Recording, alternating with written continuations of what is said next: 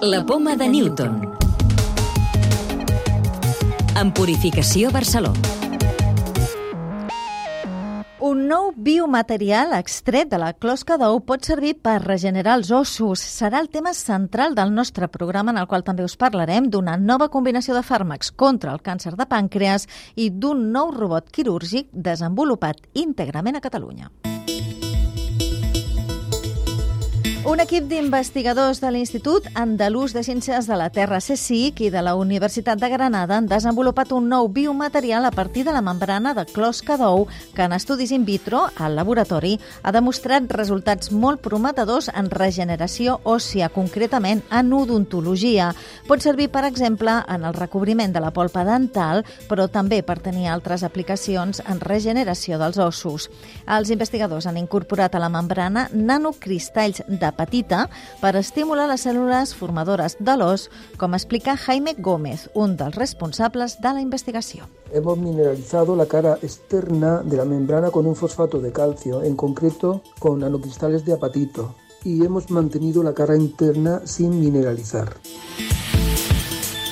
La superficie externa de la membrana mineralizada tiene la capacidad de inducir la formación de células formadoras de hueso. Por su parte, la membrana interna puede actuar como barrera frente a la invasión celular indeseada, es por tanto una membrana bifuncional.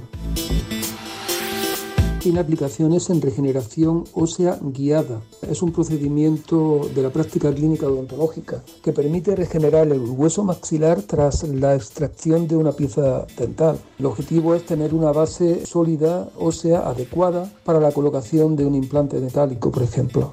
Una altra aplicació seria en el recobriment de la polpa dental, però també en la regeneració d'altres ossos del cos. En el projecte premiat per l'Institut Espanyol d'Estudis de l'Ou també han participat les universitats d'Oviedo, Jaén, la Nacional de Colòmbia i el Servei Andalús de Salut.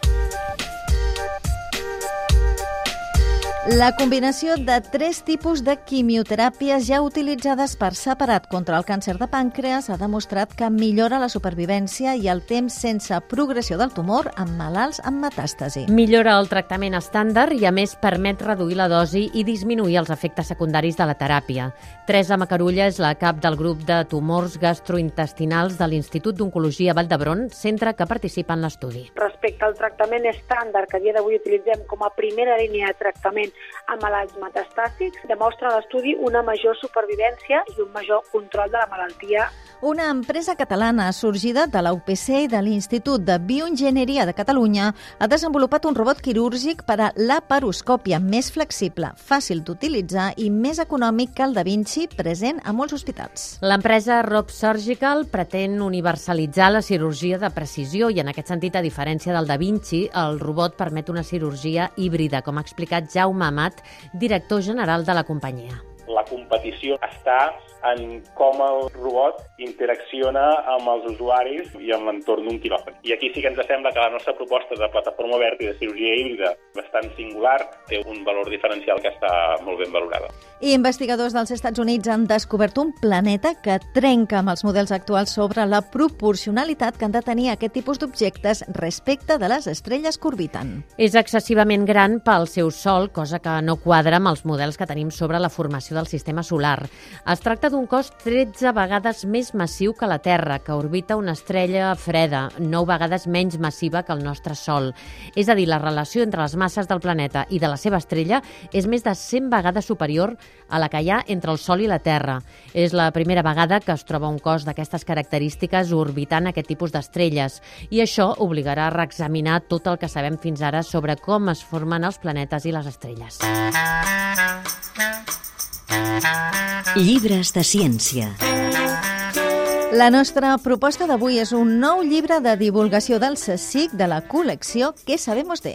En aquest cas està centrat en com es comuniquen els animals, escrit per Gonzalo Rodríguez, biòleg col·laborador del Museu de Ciències Naturals del CSIC. El llibre ens mostra les diferents formes que tenen els animals de comunicar-se per reproduir-se o per garantir la seva supervivència. Descobrirem com moviments, gestos o sons poden amagar missatges com les taques fosques en el ventre d'un cèrvol o el so peculiar que poden emetre les cigonyes amb el bec Un llibre per distingir alguns d'aquests senyals i per saber fins a quin punt els animals són capaços fins i tot d'enviar missatges falsos com a estratègia comunicativa. La clau de volta. On som en la lluita contra la sida? Ens ho explica Javier Martínez Picado, investigador i crea a Irsi Caixa. S'han assolit grans fites. S'han desenvolupat estratègies de prevenció molt clares que han salvat moltes vides.